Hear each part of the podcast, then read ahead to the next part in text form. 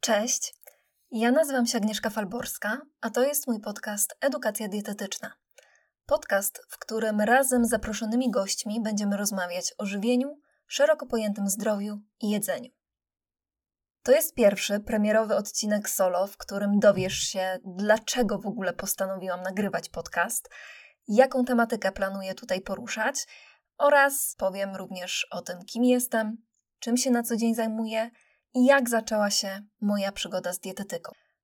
Kolejne odcinki będą zdecydowanie dłuższe.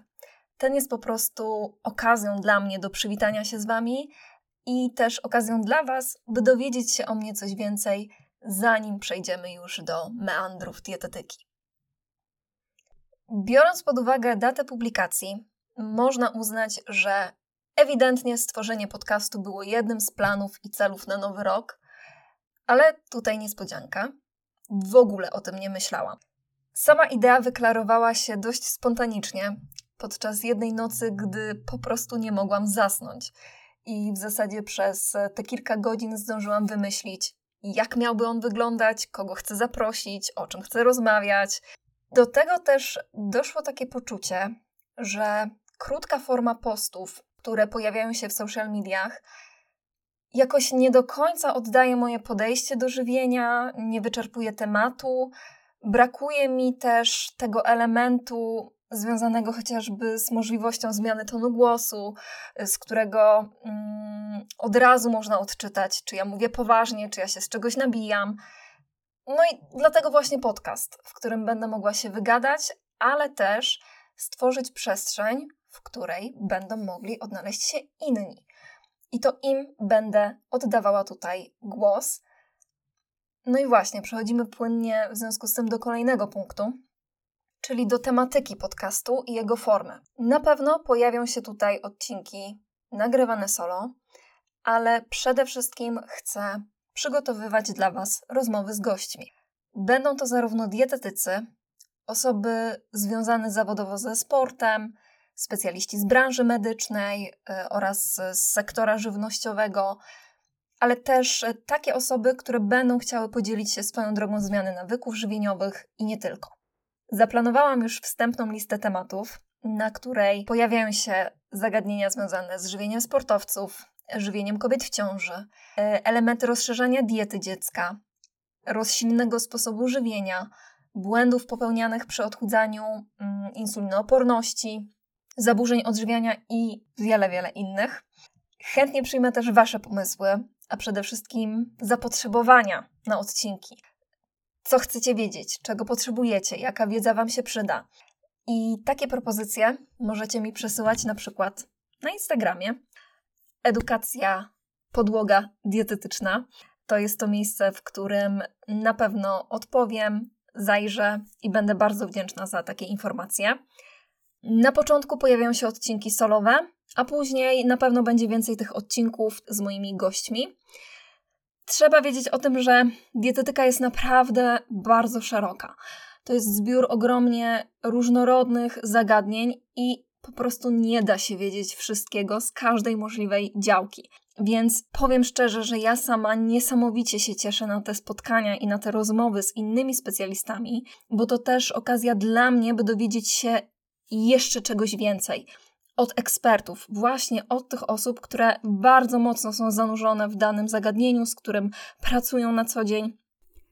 Ta lista gości też sukcesywnie będzie się wydłużać, więc no niesamowicie jaram się na te spotkania i po prostu na te nowe możliwości z tym związane.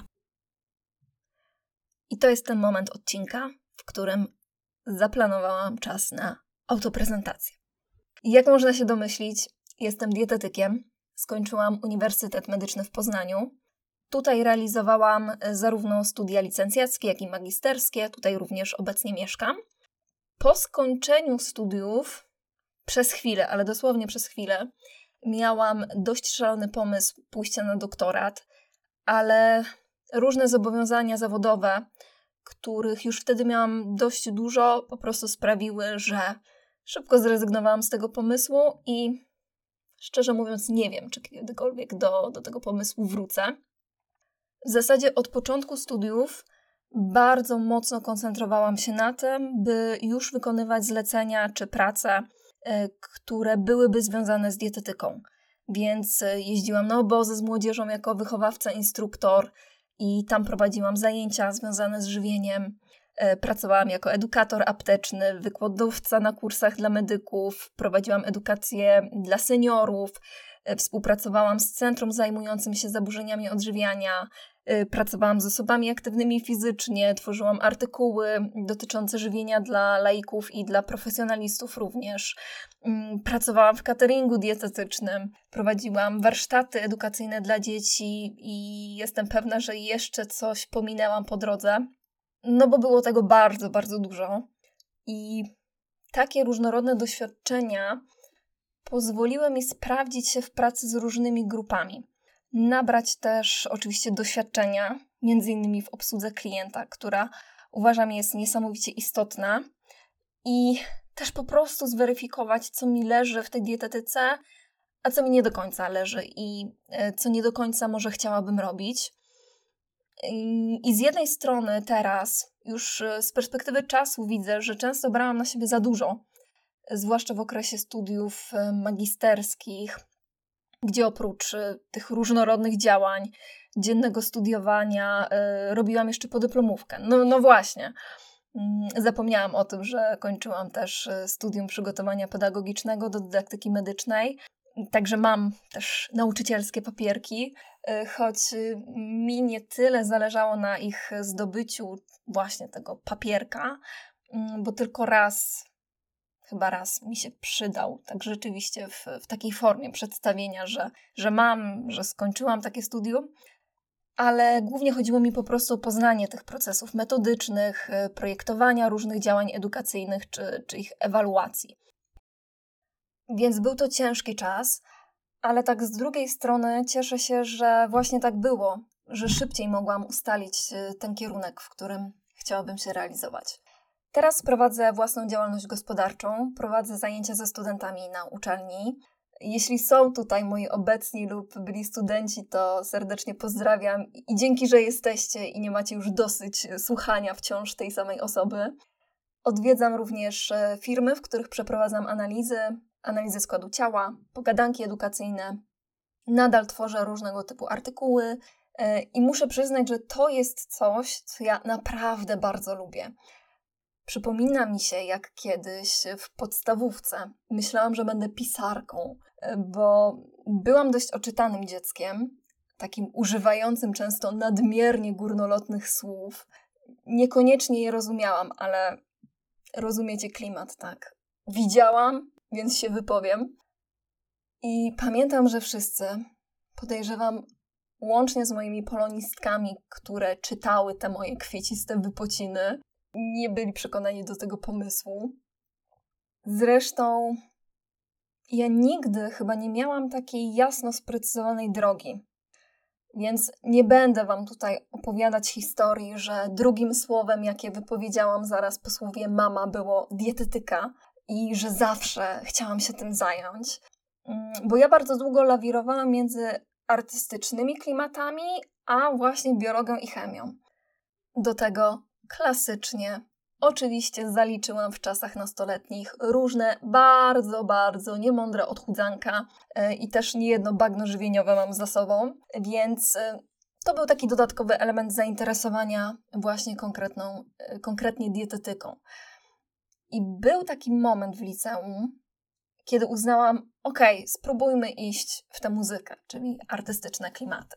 No i wszystko byłoby w porządku, gdyby nie problemy z głosem, które w pewnym momencie się pojawiły, więc można powiedzieć, że dość naturalnie i organicznie ten pomysł studiów artystycznych po prostu umarł.